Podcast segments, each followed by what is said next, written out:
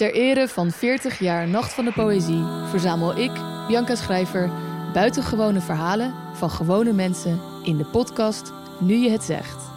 Verhalen over veranderende vriendschappen, kleine heldendaden en ook over wachten op de dood. Ik bedoel, ik heb zeven jaar geleden dacht ik van ja, mijn pensioen ga ik niet halen. Omlijst met de mooiste optredens op de Nacht van de Poëzie hoor je elke aflevering één verhaal. Jullie moeten niet zo lachen, want ik... Luister nu je het zegt hier in je podcast-app. Grootmama noemden we mijn overgrootmoeder. Marietje Gravin van Linden.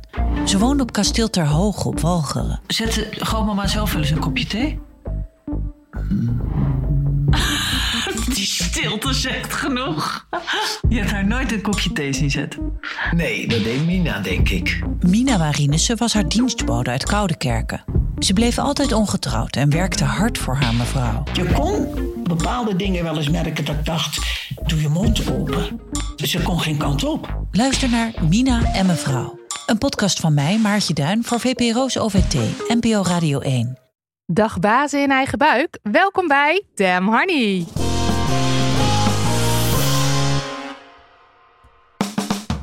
De podcast over shit waar je als vrouw van deze tijd mee moet dealen. Mijn naam is Marilotte. En ik ben Nidia. En dit is aflevering 95, deel A.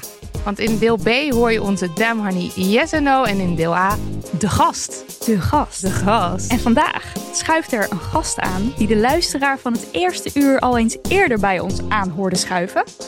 Aflevering 8, denk ik. Denk Kijk even naar ja, Marilotte. Ik denk het wel. Zoiets, nou ja. Ehm, Iets en van aflevering We 8. gaan het met deze gast hebben over abortus. Het is Madeleine van den Nieuwenhuizen. Hallo, hallo. nou, zij is heel veel. Bijvoorbeeld het brein achter mediakritisch Instagram-account Zijkschrift. Maar ook columnist voor NRC. De reden waarom meer mensen Corrie Tendelo kennen. Rechtshistoricus, New Yorker, kerstverse presentator van het programma Mediastorm en auteur. Want afgelopen week verscheen namelijk haar boek Leven en Laten Leven. Een gedachtenwisseling over abortus en zelfbeschikking. Eh, de reden ook waarom je vandaag hier te gast bent.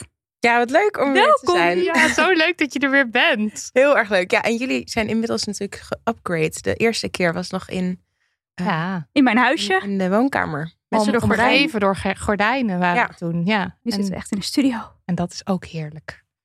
Ehm, we gaan het zo uitgebreid hebben over je boek Leven en Laten Leven. Ehm, maar misschien is het ook even leuk om te noemen dat je werkt aan een ander boek. Namelijk over handelsonbekwaamheid en emancipatie. Kun je daar alvast ook iets over, een, een tipje van de sluier kort Ja, over ja vertellen? daar, dat, dat is nu inderdaad een beetje op pauze komen te staan door dit boek over abortus.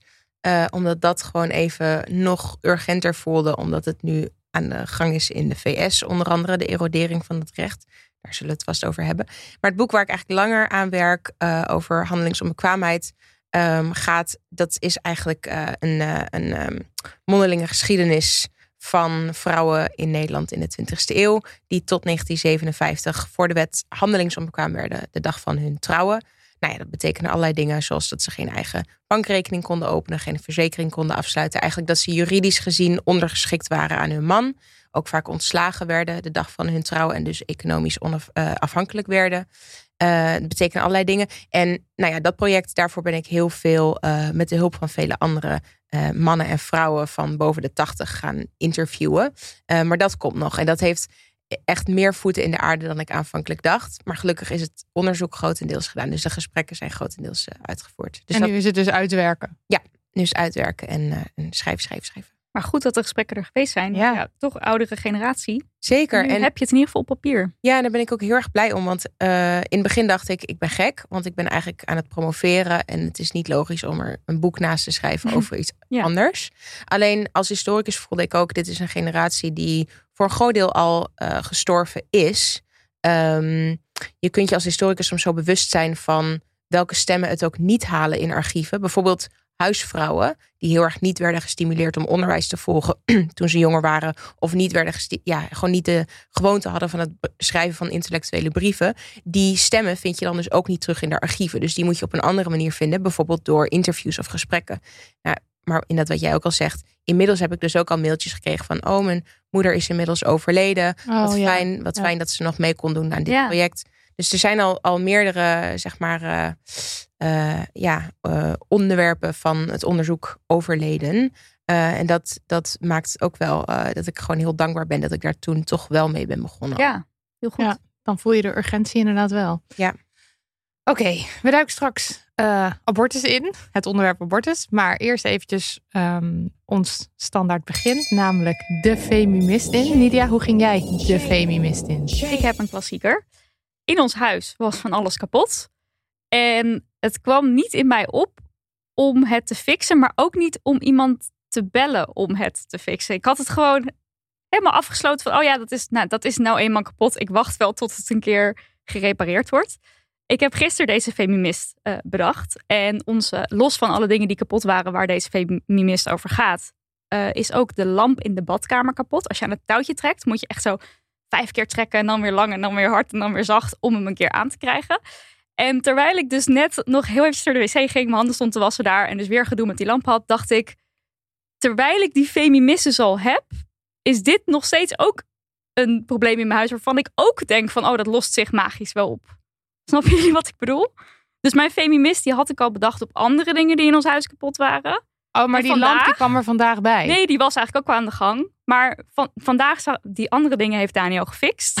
Maar vandaag dacht ik pas van, oh, maar die lamp is precies ook een voorbeeld ervan. Dus ook al had ik mezelf al gerealiseerd dat ik dus niet dingen fix, was ik alsnog niet bezig om iets nieuws te fixen wat ook kapot was. Jij zit gewoon heel erg af, je afwachtend op te stellen. Ja, maar het, een- komt gewoon niet eens in me op om het om. Het, is gewoon van, oh, het is kapot en het is nou eenmaal kapot. En ik wacht wel tot Daniel iets onderneemt om het te fixen. Dus ook altijd een mooie vraag van eh, onfeministisch of luiheid? Ja, of gewoon slim. Dat kan ook.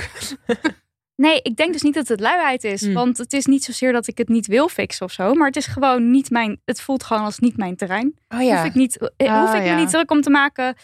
Ehm ik zo is de- iets zo anders is- doen. Zo is de verdeling dus ook bij jullie. Ja, blijkbaar. Ja, want Daniel die doet dat. terwijl Ja. ik het best leuk vind om eh, YouTube-filmpjes op te zoeken en dingen te doen.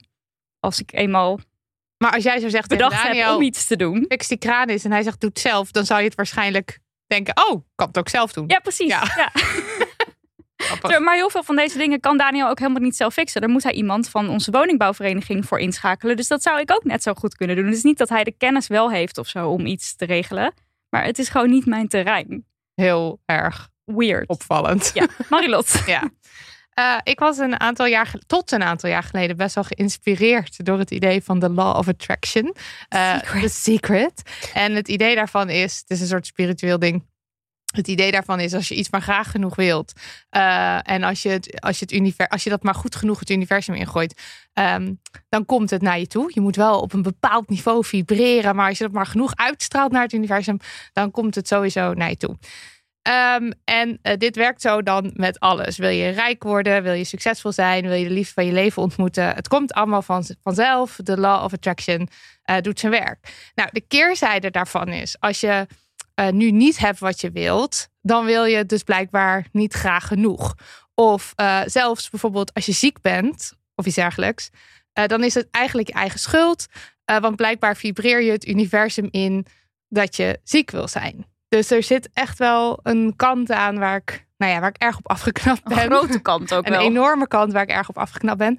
Eh, en, en, en dit geldt dan voor, voor alles, zeg maar voor geldproblemen, voor verslavingen, depressie, maakt niet uit. Je doet het jezelf aan. Het is allemaal jouw schuld. Het is eigenlijk ook Klinkt heel een beetje als de Republikeinse Partij in Amerika. vreselijk eigenlijk. Maar goed, het positief trok me dus wel heel erg aan. Van, oh ja, als je maar, als je maar, als je maar positief denkt en het veel aandacht geven vooraan denkt. Nee, als je het maar wenst, dan komt het naar je toe. Soort manifesting. Ja, Ja, dat is het. Manifesteren. En ehm, nee, dit hele idee is dus in de loop der jaren, zeker sinds Damn Honey. En ik bedoel, het is natuurlijk ook in essentie heel, best wel validistisch. En heel, veel, heel erg geprivilegeerd en zo. Dus het is ook heel... Ik ben het wel gaan doorprikken. En het is enorm in mijn allergie gaan zitten. En ik, ik vind er van alles van. Ehm, maar ik betrapte, betrapte mezelf niet. Ik weet dat ik dit doe. Ik luister dus de laatste tijd weer naar meditaties van eh, Esther Hicks. En zij is volgens mij echt de, de, de original, de OG als het gaat over de Law of Attraction. En ik wist niet eens hoe dat zat, maar zij, want je, je, je kan googlen op Esther Hicks of op Abraham Hicks. Maar zij channelt dus de stemmen van Abraham. En Wie dat is Abraham? Abraham is, dus, is zijn, zijn, zijn honderd niet-fysieke teachers die haar gedag, een gedachtenstroom door, weet ik veel, geen idee. Ik had geen idee dat dit zo was, dit weet ik pas sinds vandaag. Ja. Uh, maar anyway, zij zegt dus allerlei motivational dingen. En ik luisterde dat vroeger heel erg en ik luister dat dus nu de laatste tijd weer. En ik weet dus niet zozeer of dit een onfeministisch ding is om te doen. Want ik luister het natuurlijk en ik ben het niet aan het opdringen aan andere mensen. Dus in die zin is het misschien niet, niet onfeministisch. En er zitten ook soms wel. En je wat- zegt niet tegen zieke mensen, je moet, het gewoon, je moet gewoon positief denken. Nee, Of je zegt niet tegen arme mensen, je, je, het is je eigen schuld. Nee, en, en het is voor mij zitten er ook wel goede dingen aan, omdat er ook wel in die teksten gezegd wordt van even niet zo zwaar tillen aan het leven, bijvoorbeeld. En dat heb ik ook wel persoonlijk nodig, omdat ik de, de boel best wel eh, doem, doemdenkerig kan inzien soms. Eh, maar, maar ik vond het toch grappig dat ik, dat ik me zo. Dat ik, dat ik zo kan doorprikken wat er mis is, wat er mis mee is. En dat ik het tegelijkertijd toch ja, wel nodig heb. Of een warm, ja, consumeer een warm hart toedragen of zo. Nou, anyway, eh, als ik eh, ga lopen lullen over eh, dat je beter moet vibreren, geef me in godsnaam een standje, want dat is niet de bedoeling. Een standje of een speeltje. Een standje, een speeltje. Kijk maar even wat je Ah, doet. Leuke grap. Madeleine, heb jij nog iets niet feministisch gedaan onlangs? Nou, ik moest wel denken aan eh, de vorige keer dat ik er was. eh, wat dus echt inmiddels drie, drie jaar geleden is. Zoiets, ja. Holy moly. Ehm, dat ik toen volgens mij het onder andere had over dat ik merkte dat ik op straat, als ik de weg kwijt was, vooral, Ja. vooral mannen Oh ja, maar ik denk hier nog zo vaak aan. Want Ja? toen gaf jij de tip van als je zelf een keer de weg wil weten, ga het dan ook eens een keer aan een vrouw vragen. Dus- Ja. En dat doe ik dus. Nou, ik hoef niet zo vaak meer de weg te vragen. Maar wel als je dus van iemand eventjes een soort advies of dingetje nodig hebt, dat je dan een vrouw vraagt. Ja, omdat je dan eh, eigenlijk ook eh, haar gevoel van zelfverzekerdheid aanmoedigt. Omdat zij kennelijk iemand is van wie het normaal is dat zij weet hoe de weg loopt. Ja, maar dat het is, heel, het is heel grappig, want ik heb dus echt in die afgelopen drie jaar, zeg maar, dus soms als ik ergens spreek of als ik een lezing geef of zo, een enkele keer komt dan iemand op me af en die zegt: Ik heb nog steeds jou- jouw tip altijd opgevolgd. Oh, zie je nou? Leuk. Dat is echt enig. Ja, heel grappig. Leuk. Heel grappig. Maar ehm, ik zat er dus aan te denken. En, en eh, ik weet nog dat ik dat, ik dat toen eh, meebracht, zeg maar, naar de podcast. Omdat dat echt nog een patroon was wat ik bij mezelf bemerkte. En nu realiseerde ik me dat dat patroon doorbroken is. Want je gaat nu Ja, misschien niet eens meer bewust stapje op vrouwen. nee, niet eens meer bewust. Ja, leuk. En dat vond ik wel een. eh, ja, dat zijn toch ook wel dingen om te vieren. Dat het mogelijk is om. Ik bedoel, het is helemaal niet eh, wereldveranderend of, of dat allemaal. Maar het is toch ehm, wel hoopvol dat je een vooroordeel. Namelijk, eh, vrouwen zijn hele slechte navigatoren. Misschien is dat een anglicisme. Maar kunnen heel slecht met een kaart overweg. Gewoon wat je, wat je vroeger in tekenfilms en in films en zo zag. En wat je dan internaliseert op, op zeker niveau. Tenminste, ik en volgens mij best veel mensen. Ehm, dat je, of een beetje hetzelfde als vrouw met inparkeren of zo. Dat Mhm. er van die stereotypes om bestaan. En dat je dat dus echt kan ombuigen. Ja. Eh, en dat het op een gegeven moment dus ook eh, niet meer een kwestie is van dat je het actief aan het ombuigen bent, maar dat het gewoon het nieuwe normaal Ja. is. En dan ben je onbewust bekwaam, toch? Geloof ik. Dat je eerst ben je dat bewust aan het veranderen en daarna wordt het een onbewust dingetje. Ja, ja. Ja, leuk. Eh, en, en toen dacht ik, oké, wat zal ik deze week meebrengen? En toen kon ik oprecht niet iets bedenken. wat, wat ik echt niet bedoel als een soort mode geënterd. Feministisch superieur aan Nee. iedereen. Nee, dat is dus helemaal niet zo. Alleen het is wel zo dat je, dat je soms betere weken en mindere weken hebt. Of dat je soms, ja, soms, ja, soms, soms, heb je, soms merk je gewoon dat, je, dat, dat bepaalde dingen overwonnen of doorbroken zijn. En daar mogen we ook wel stil bij staan. Ja, Dat en vind ik ook. ook wel een hele leuke nieuwe les die je nu weer meegeeft Ja. aan de luisteraar en aan ons. Celebrate eh, de stappen ook. Ja. Die je zet. Ik heb straks nog wel een goede eh, misser. Oké, nou we Ja, komen we- bij je terug. We hoor. blijven wel eh, even een beetje, hè? Niet de gold mode. Niet te veel God mee. Niet te veel. Tijd voor, Tijd voor post. Tijd voor post. Ehm, ja, post. Het leuke bericht eh, bewaren we even voor deel B van deze aflevering. Want daar hebben we zin in. Ehm, dus Nidia, kom er maar in met je poststuk. Ja, ik heb iets wat aansluit op jouw Femimist. Ergens. Hmm. Komt-ie, het poststuk. Hi lieve Nidia en Marilotte, bedankt voor al jullie prachtige werk. Ik luister elke aflevering met veel plezier. Ook deel ik de inhoud met mijn omgeving. Dank je voor. Nou, bedankt voor de complimenten. Wat leuk. Ik heb wel een vraag voor Nidia. Je geeft sinds kort aan dat je een guilty pleasure hebt voor reality-series, waaronder bijvoorbeeld Temptation Island en Ex on the Beach. Maar wat vind jij van dit soort series? Naar mijn idee praten sommige mannen in die series over vrouwen als prooien. Bij Ex on the Beach lijkt er een soort competitie te zijn met hoeveel vrouwen de mannen naar bed gaan. Niet heel vrouwvriendelijk lijkt mij. Ik bedoel dit absoluut niet als kritiek of een aanval. Als je dat wel bedoelde op die manier. Dat mag allemaal. Dat is helemaal goed. Uh, ik ben meer nieuwsgierig omdat jullie opvattingen uit de podcast lijnrecht tegenover dit soort series staan. Ik kijk bijna met een soort walging naar de seksistische mannen. Ben benieuwd. Ja, dat was vraag. Sluit, sluit inderdaad een beetje aan. Dat is het consumeren van toch wel misschien on, nou ja, programma's of, of, of, of dingen met een, met een onfeministische inslag.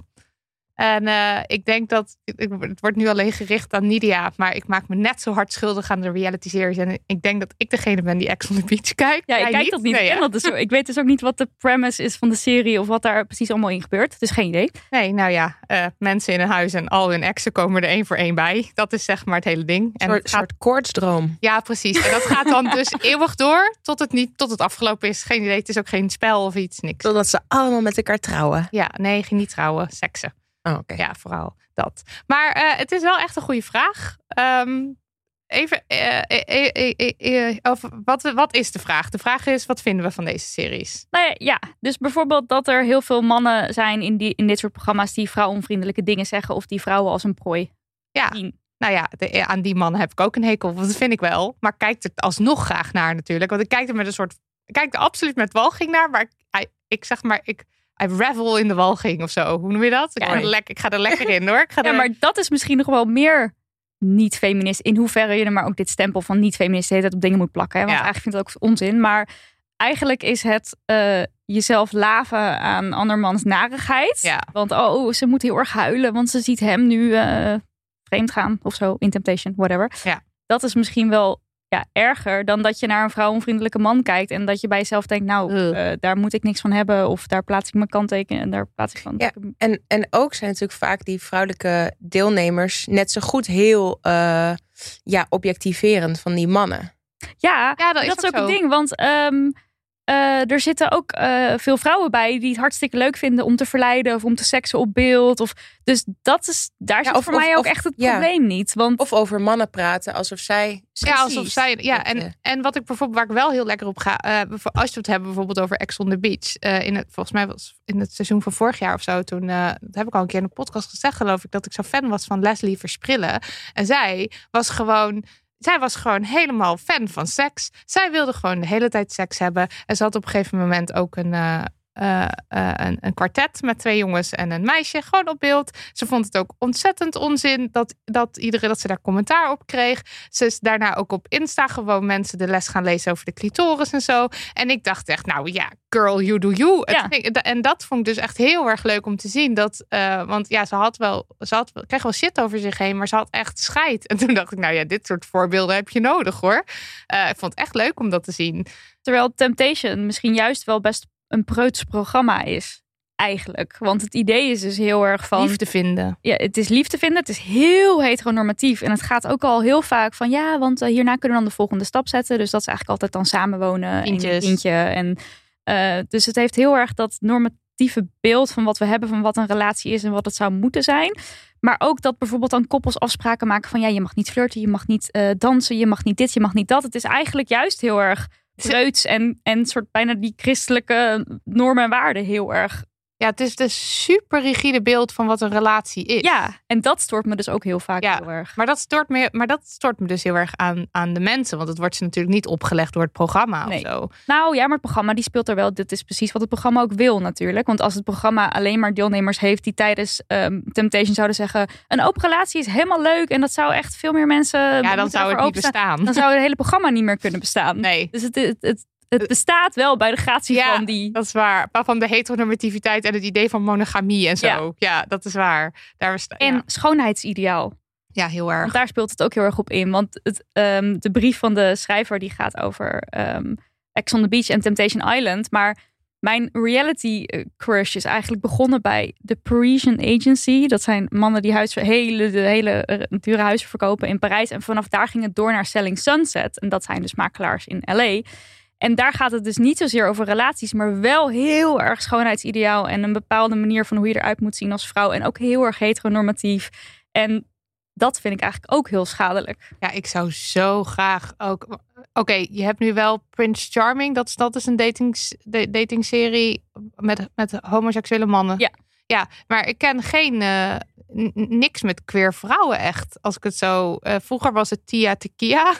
dat was van MTV. Daar ging een, een biseksuele vrouw volgens mij delen, daten met vrouwen en mannen. Dat we- weet ik gewoon. Dat weet ik nog wel.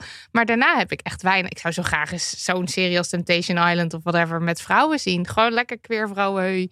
En ook wat minder. eh, die, ja, gewoon wat, wat meer waar seksualiteit wat meer fluïde is en zo, ook en zo. Het is gewoon allemaal zo binnen die hokjes altijd. Ja. Ja, en toch geniet ik ervan door mensen. Ik zit er nog steeds graag naar te koekeloeren. En je kunt je afvragen, eh, ja, mag je dat dan niet als feminist? Weet ik niet. terwijl je ook denkt, zeg maar, eh, het is ook een eh, denkfout, denk ik, van programmamakers. Als ze denken dat als je een programmaformat maakt waarin mensen meer open relatie hebt, alsof dat geen drama zou opleveren. Je, je kan echt Misschien wel meer. Ja, je kan echt genoeg drama hebben met, met een queer Temptation Island. eh. Ja, nee, dat denk ik ook. Absoluut. Het is, het, ik bedoel, gegarandeerd drama als je mensen bij elkaar zet en je laat ze lekker seksen met elkaar. Volgens mij krijg je dan gewoon gedoe. En dat is wat je wil. Dus dan hoef je, kan je het ook loslaten Ja. misschien. Ja, ik weet het niet. Maar ik, eh, toen ik deze brief las, want het gaat natuurlijk niet alleen, dit is even specifiek reality, maar überhaupt in de dingen die je dus tot je neemt. Dus met jou, met die podcast wat je net noemt, of die meditaties, Ja. hoe je het maar wil noemen. Ik ben weer begonnen opnieuw aan How I, How I Met Your Mother. Ik kijk af en toe van die series die ik dan al een keer gezien heb als soort echt mijn brein dat ik gewoon niet hoef na te denken. En daar zat bijvoorbeeld een aflevering in die heel erg vetshaming in zich heeft. En daarna zat er een aflevering in die heel erg racisme in zich heeft. En allebei die afleveringen, daar koos ik dan nu voor. Ik dacht van nee, ik wil dat ook niet zien.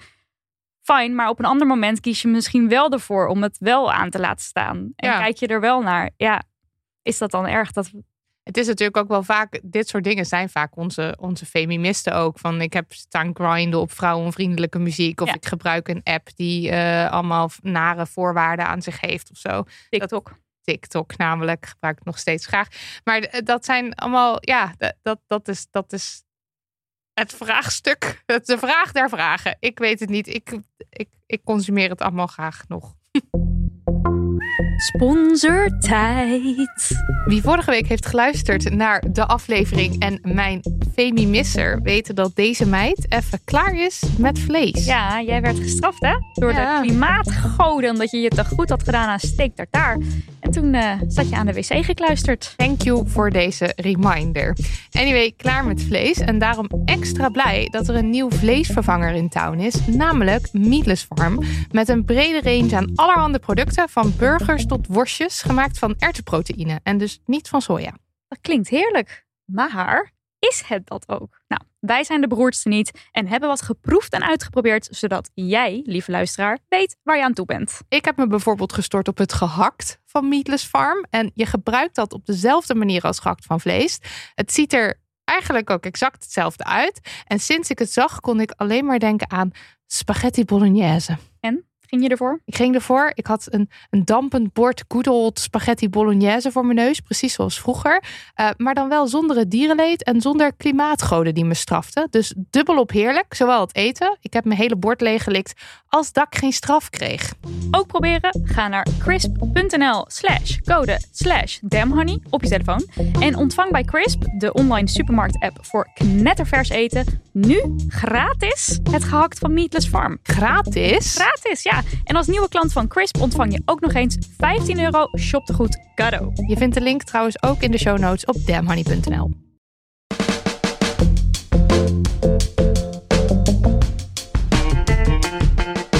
We moeten het even hebben over abortus. Madeleine riep op Instagram mensen op om hun argumenten voor en tegen, ervaringen, twijfels en gedachten over abortus te delen. Ingeleid door een bevlogen en persoonlijk essay staat een ruime selectie van die reacties in haar vers verschenen boek Leven en Laten Leven. En het leest als een genuanceerd gesprek in boekvorm. Dat is het een beetje. En in het boek worden, wordt abortus van verschillende kanten belicht. Dus ook de kant van de mensen die tegen abortus zijn of die er vraagtekens bij zetten. Dat komt ook aan bod. Dat kan even slikken zijn. Dat was het voor mij in ieder geval wel. Dus lieve luisteraar, dan weet je dat maar vast. Um, en genuanceerd zijn is niet altijd onze sterkste kant. Maar in deze aflevering gaan we dat wel proberen te zijn. Omdat het belangrijk is om te weten wat er in anderen omgaat. Zodat we dit maatschappelijke gesprek beter kunnen voeren. Madeleine, een boek over abortus. Waarom en waarom nu? Ja, ik dacht gewoon lekker iets vrolijk en luchtig. Ja, precies. Dat dacht ik al. Even iets simpels. Volgende vraag. en door. Um, ja, omdat um, ik verhuisde in 2016 uh, naar New York. Om daar mijn master te gaan doen. En um, ik heb eigenlijk de afgelopen jaren, ongeveer een half jaar nadat ik daar aankwam, uh, trad uh, Trump toe tot het, nou ja, presidentiële gepeupel. um, en in die jaren die daarop volgden, heb ik eigenlijk de, het conservatisme, echt meer het radicaal conservatisme zien um, uh, luider zien worden. Zien groeien in populariteit in de VS en in effectiviteit. Wat onder andere betekende dat uh, onder zijn regering, uh, regeringsambt, hij, hij in staat was om drie conservatieve opperrechters aan te stellen in het Hoge Rechtshof. Um, wat on ongelooflijk invloedrijk is. Want, ja, kan je dat uh, kort uitleggen voor mensen die echt nul ja, idee hebben? Zeker. In, in Nederland is het eigenlijk zo dat wetten gemaakt worden in de Tweede Kamer. Dat betekent dat, um, uh, dat er een electorale meerderheid moet zijn. Dus de, het overgrote deel van de bevolking moet voor een grote verandering zijn. Willen die partijen bereid zijn om inderdaad zo te stemmen? Dus even concreet gezegd, in het geval van abortus uh, het recht op abortus, onze wet uh, uh, zwangerschapsafbreking. Um, die dateert uit zeg maar 19, die in 84 in werking trad. Die, um, die zou in Nederland niet zomaar worden afgeschaft, omdat je dan eigenlijk ja, de meerderheid van de bevolking zou moeten hebben die, daar, die daarachter staat. Waarom zouden partijen anders een hele onpopulaire wet doorvoeren of wetsvoorstel doorvoeren? Uh, dus je hebt altijd een zekere. Er zit een soort democratisch um, uh, checks and balance in dat opzicht in ons politieke systeem. Je kan niet zomaar. De Tweede Kamer zal nooit zomaar een, een, een super onpopulaire uh, wet doorvoeren, want dan zullen ze heel veel stemmen verliezen. Um, in de VS ligt dat een beetje anders. Zij werken met een ander rechtssysteem. En wetten, met name de grondwet, wordt eigenlijk getoetst en herschreven uh, middels um, het Hoge Rechtshof. En daar zitten negen opperrechters aan. Dat zijn aanstellingen voor het leven. Um, en die worden aangewezen door presidenten.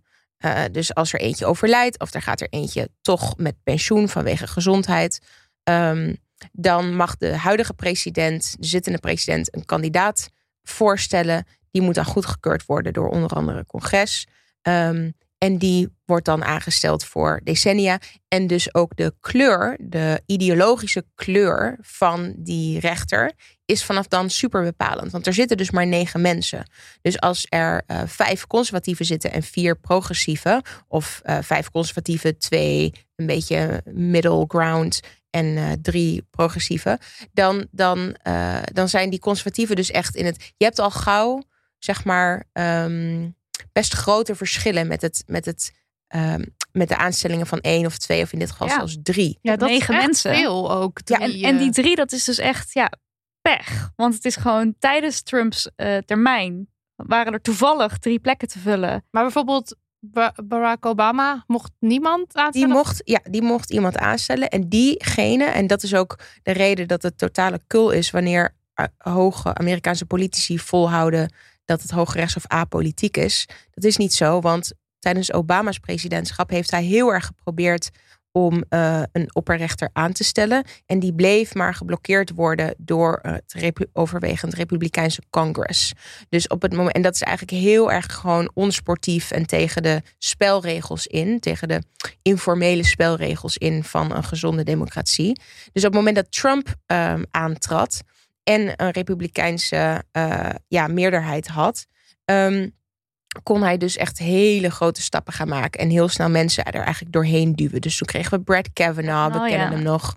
eh, met Chris, Dr. Christine Blasey Ford, die eh, tegen hem getuigde. En toch werd hij aangesteld. Ehm, nou ja, zo zijn er eh, Amy Coney Barrett, een vrouw. Dus de meest recente aanstelling. Of nee, de één na recentste aanstelling. Maar goed, in elk geval, dat heb ik dus van dichtbij meegemaakt. Dat er eigenlijk een juridisch conservatieve wind woei door de VS de afgelopen jaren. En zag dus ook met lege, eh, eh, met ledenogen aan dat, ehm, eh, dat abortusrecht steeds wankeler werd. Want abortusrecht is die iets dat ook bepaald is eh, als algemeen geldend recht voor zwangeren door het Hoge Rechtshof met Roe v. Wade, de Ja. rechtszaak van begin jaren 70. Ehm, en Roe v. Wade in de VS refereren ze dus altijd naar die grote rechtszaken eh, met de Roe versus Wade. Dat waren de twee opponenten eigenlijk in die rechtszaak. Ehm, en daar besloot het Hof uiteindelijk: abortus moet een algemeen geldend recht zijn voor een ieder die zwanger is. Ja. Daar moeten ze de mogelijkheid toe hebben. Nou, dat kwam dus heel erg aan het wankelen de afgelopen jaren met een steeds conservatiever wordend uh, Hooggerechtshof. En afgelopen najaar uh, was eigenlijk de climax met Mississippi en Texas onder andere, die echt daad bij woord begonnen te voegen. En die dus gingen tornen eigenlijk aan dat recht. En die zeiden, Mississippi zei onder andere, abortus mag maar tot de 16e week in plaats van de 24e week. Wij gaan het inperken, dat abortusrecht. Nou, toen werden ze aangeklaagd door een abortuskliniek. Die kliniek die won. Toen vocht Mississippi als staat dat aan en belandde dus uiteindelijk bij het Hoge Rechtshof. Het Hoge Rechtshof heeft de allerhoogste, de grootste stem, zeg maar. Dus wat die gaan beslissen, um, dat wordt een algemeen geldend recht ja. eigenlijk, of wet. Um, en uh, ongeveer een maand geleden lekte hun conceptuitspraak uit. Waaruit inderdaad bleek, zoals ik bevroedde. Want daarom begon ik ook met het schrijven van dit essay afgelopen december. Omdat ik dacht dat het deze zomer afgeschaft zou worden. En dat gaat dus waarschijnlijk ook deze week of volgende week gebeuren. Mm. Sad. Um, ja, ja. hashtag. Alsof... sad. Ja, ja. Goeie, goeie samenvatting. Maar um, uh, goede emotioneel uh, diepgravende samenvatting. Um, maar uh, um, dat Hof zei dus: we gaan eigenlijk die beslissing over dat recht teruggeven aan de staten. Ook een verschil met Nederland. De VS bestaat uit 50 staten. Uh, en dus heel veel is geregeld op staatsniveau. Allerlei soorten wetten, daar verschillen de staten heel erg in. Omdat ze heel erg uh, hoog in het vaandel hebben het idee van uh, autonomie van de staat. Dus je hebt het federale niveau, dat is het hele land, de hele centrale overheid in de VS. Dat is waar Biden president van is. En dan heb je de staat en die hebben ook heel veel macht. Dus het Hoge Rechtshof gaat hoogstwaarschijnlijk, zeer binnenkort, het um, abortusrecht, de, de regulering van het abortusrecht overlaten aan staatsniveau. Ja. Dat betekent dat waarschijnlijk meer dan de helft van de Amerikaanse staten abortus uh, vrijwel of geheel uh, gaat afschaffen en inperken. Ja. En dan wordt het, wordt het mensen die zwanger zijn dus heel erg moeilijk gemaakt om een abortus te ondergaan. Want dan, want bijvoorbeeld een, een staat als, als New York of zo zal wel, uh, daar zal abortus waarschijnlijk wel uh, legaal blijven. Ja. Ja, precies. En dat, en dat zullen waarschijnlijk ook een soort van wat ze dan noemen sanctuary states worden. Ja. Staten die ook heel erg hun best gaan doen om vrouwen uit andere staten op te vangen die een abortus uh, willen ondergaan. Um, die daar dus meer geld beschikbaar voor gaan maken. Maar bijvoorbeeld een staat als uh, Ohio, die dus om, ook omge- die conservatief is, die omgeven wordt door conservatieve staten. Het betekent dat de drempel voor zij die een abortus willen ondergaan ongelooflijk hoog wordt in sommige gevallen. Want als jij, hè, als jij vlak bij de gre- staatsgrens woont met een staat waar het wel kan, dan is het misschien maar twee uur rijden naar een abortuskliniek en kan je dat doen. Maar dan moet je ten eerste hè, een auto hebben. Of je moet er het geld hebben om openbaar vervoer te betalen. Maar kun je nagaan als dat bijvoorbeeld zeven uur rijden is. Of als dat uh, een, een vliegtuigvlucht is waar je geen geld voor hebt. Of je hebt een dusdanig drukke baan dat je eigenlijk vrij moet nemen. Wat niet mogelijk is vaak in de VS. Of je moet een overnachting doen. Of je zit in een gewelddadige relatie met je partner. Uh, die uh, absoluut niet wil dat jij een abortus ondergaat hoe verkoop je het dan dat je opeens een nacht weg bent, et cetera, et cetera. Dus het wordt, je krijgt eigenlijk een soort, um, ja, heel, uh, heel beklemmend, claustrofobisch en ook gewelddadig scenario. En ik zeg gewelddadig omdat ik het zelf een gewelddadige daad vind van de staat. eh, op het moment dat zij zwangeren verplichten om een eh, ja, eigenlijk gedwongen zwangerschap en gedwongen bevalling te ondergaan. Met Mhm. bovendien alle veiligheidsrisico's van dien. En om gedwongen ouderschap eh, te moeten aangaan. Ja. Want zelfs als je je kind. Hè, eh, soms wordt er door, eh, door conservatieve, soms ook door SGP'ers in de Nederlandse Tweede Kamer gezegd van we moeten gewoon ons adoptiebeleid verruimen. Want als je het dan echt niet wil, nou, dan geef je je kindje gewoon aan een familie die dat wel wil. Dat voorkomt een kindermoord en het, eh, en, en het zorgt voor een fijn thuisgezin. En dan kun jij gewoon door met je leven. Zo werkt het natuurlijk helemaal niet. En je vraagt nog steeds van iemand om helemaal een zwangerschap uit te dragen. Ja, maar los daarvan ook gewoon het daadwerkelijk adoptieproces. Ja. Het adoptieproces, het ouder zijn. Je, want je bent dan dus voor de rest van je leven ouder. Je geeft Ja. misschien dat kind weg. Maar dat is een heel emotioneel proces. Wat fases doormaakt. Vaak trauma opwekt bij, bij bijna alle partijen eh, die betrokken zijn. Het is, er, er, er zit ook een, een psychologische dwang en, en gewelddadigheid in. Die eh, ja, volgens mij echt, echt eh, de wereld geen mooiere plek maakt. Nee. En het is natuurlijk niet zo dat je met dit soort wetgeving eh abortussen voorkomt. Want eh, een, mensen die zwanger zijn en, en, en die, die een abortus moeten willen ondergaan, die gaan toch wel zoeken naar eh, Exact. manieren om dat te doen. Exact. Ja, onderzoek toont ook aan dat het illegaal maken van abortus ehm, nooit leidt tot de verdwijning van abortus. Eh, vrouwen of eh, mensen die non-binair zijn en zwanger zijn, of transmannen die zwanger zijn, die eh, geen kinderen willen, ehm, of die er bijvoorbeeld al zes hebben, of die ontzettend arm zijn, of die om wat voor reden dan ook, je hoeft niet eens een goede reden tussen aanhalingstekens te hebben, die om wat voor reden dan ook die foetus willen aborteren, die gaan dan over tot andere maatregelen. Je perkt het misschien wel een beetje in, maar er vinden dan nog duizenden en duizenden en duizenden vaak zeer risicovolle abortussen plaats, waarbij eh, er met heet zeepsop eh, in de vaginamond wordt, de, ba- de baarmoedermond wordt gespoten, waarin iemand stenen inbrengt om te zorgen dat het door elkaar gehusteld wordt, zichzelf van de trap afgooit om te hopen dat daarmee de zwangerschap wordt afgebroken. En dat zijn hele, ehm, ik realiseer me ook dat dat grafische voorstellingen zijn die ik zo schets. Mhm. En dat is iets wat we vaak ook niet gewend zijn, omdat we in een land wonen waar het al zo lang gelegaliseerd is. Maar toch is het belangrijk om eigenlijk die spiegelmaatschappij, namelijk van een land waarin het illegaal is, om dat wel heel concreet te blijven maken. Ja. Want die SGP kan in de Tweede Kamer praten over eh, abortus of eh, het, het, het illegaal maken van abortus alsof het een abstracte kwestie betreft die we kunnen ondervangen door een ruimer eh, adoptiebeleid of door meer toegang tot anticonceptie of tot door sociaal-economisch betere vangnetten. Maar feit blijft eh, dat dat een maatschappij is waarin zwangeren gedwongen worden om een zwangerschap te voldragen en ouderen zijn. En heel veel dus ook ehm, gezondheidscomplicaties of zelfs eh, de dood tot gevolg zullen hebben van een illegale zwangerschap. Ja. Illegale abortus. En daar, en daar hebben ze niet over, want dat klinkt natuurlijk niet zo gezellig. Nee, dat klinkt het niet. Ik, had- weet ook nog dat wij ook bij het eh, Poolse protest eh, Ja. waren. En dat er toen kledinghangertjes op bordjes stonden. En Ja. jij zo was van, wat, Wat doen die kledinghangers? dat? Maar dat is ook zo'n Ook een zo'n manier. symbool. Ja. Ja. Ja, en het is inderdaad goed omdat, al is het nog zo pijnlijk om het te horen. Ja. Ja. Goed om het te...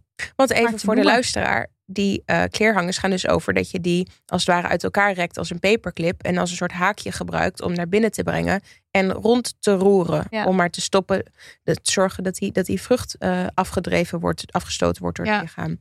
Nee, echt, echt gewoon heel erg naar. En dat zie je dus bijvoorbeeld ook in die, eh, die mooie verfilming van het boek van Annie Ernaux, Franse schrijfster, die het voorval eh, schreef. eh, Maar dit is ook memoire. verfilmd, hè? Ja, net. Ja. Die film L'Evénement, of ja. Ja. die heet denk ik Ja. het voorval in, Ja. in het Nederlands. Ehm, die film laat ook heel mooi zien. Die, die omschrijft eigenlijk haar ervaring van een ongewenste zwangerschap in, in het Parijs van 1963. Eh, toen was het daar illegaal. Ehm, en die omschrijft eigenlijk haar zoektocht naar een aborteur die, eh, die bereid is om haar te helpen. En dan zie je dus dat het niet alleen wanneer de staat abortus afschaft, dat het niet alleen heel erg moeilijk is om een, om een arts te vinden die, of hè, iemand die, eh, niet, het zijn niet eens artsen, soms zijn het ook totale amateurs, die, die bereid zijn om zo'n ingreep uit te voeren. Maar dat je er ook een sociaal milieu door creëert waarin taboe dusdanig, eh, waarin abortus een dusdanig taboe is, Ja. dat je ook zeg maar alleen maar fluisterend bij een paar mensen terecht kan van, die je waarschijnlijk afkeurend zullen aankijken op het Mm. moment dat je om hulp vraagt. Ja. Ehm, heel beklemmend. Ja, ik heb de, de, de docu Reversing Roe eh, zitten kijken op Netflix. En daar krijg je inderdaad ook wat mensen aan het woord die dan vertellen over nog voordat, voordat eh, Roe versus Wade werd eh, besloten, bepaald, eh, hoe dat dan ging. En, en dat dat dan zo beklemmend was. En inderdaad ook die kleerhanger komt daar ook. En dat is wel echt... eh, als je een beetje de geschiedenis van het abortusrecht in Amerika wil kijken, is dat echt wel een aanrader om. eh, Ja. En daar komt ook even. de- Dit hoeven we niet verder niet diep op in te gaan, maar blijkbaar hebben Republikeinen ooit, ooit ervoor gezorgd dat dat abortusrecht werd, eh, werd bepaald. Nou, het is super interessant. En ik raakte daar maar kort aan hoor in het boekje. Want mijn boekje is. ik- Ja, oké, ik mag van mijn uitgever niet meer boekje zeggen. Ik moet boekje. Maar ik Dat zeg, is niet feministisch. Precies. Maar ik zeg soms boekje omdat, omdat het deel dat ik schreef eigenlijk gewoon een, een lang essay, is. En gevolgd door reacties. Maar goed, oké, boek. Ehm, eh, het, is, het, is iets, het voert iets te ver om daar heel erg op in te gaan. Maar als je kijkt naar de geschiedenis van abortusrecht, dan zie je ook dat abortus werkelijk eh, gewoon sinds mensenheugenis en daar voorbij eh, net zozeer een economisch of politieke of ehm, ja, pragmatische kwestie is geweest.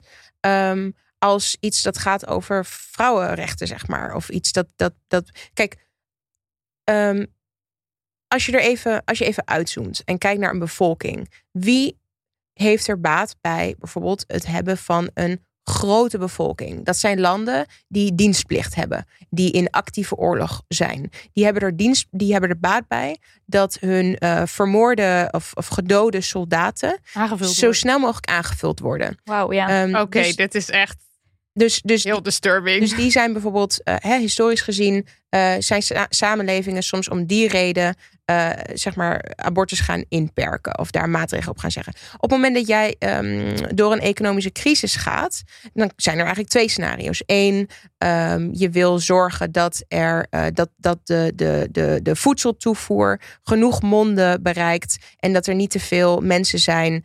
zodat er niet te veel mensen met honger sterven. Nou, dan ben je misschien wat, wat, wat meer geneigd te zeggen: Oké, abortus is oké, want we hebben toch maar een beperkt aantal monden dat we kunnen voeren. Op het moment dat jij heel erg financiën nodig hebt, heb jij baat bij, hè, als koning of koningin, heb jij baat bij een, samen, bij, bij een bevolking die dusdanig groot is dat heel veel mensen belasting afdragen. Nou, dan ben je misschien iets meer. Dus hè, om even te schetsen, historisch gezien eh, staat dat dus ook niet los van, van politiek beleid, van economisch Economie beleid. ook, ja. Mm. Ehm, en nou ja, die geschiedenis is dus heel erg lang. En ook bijvoorbeeld, ehm, eh, ik las op een gegeven moment over Aristoteles, eh, een van de ja, filosofische grondleggers eigenlijk van het westerse denken.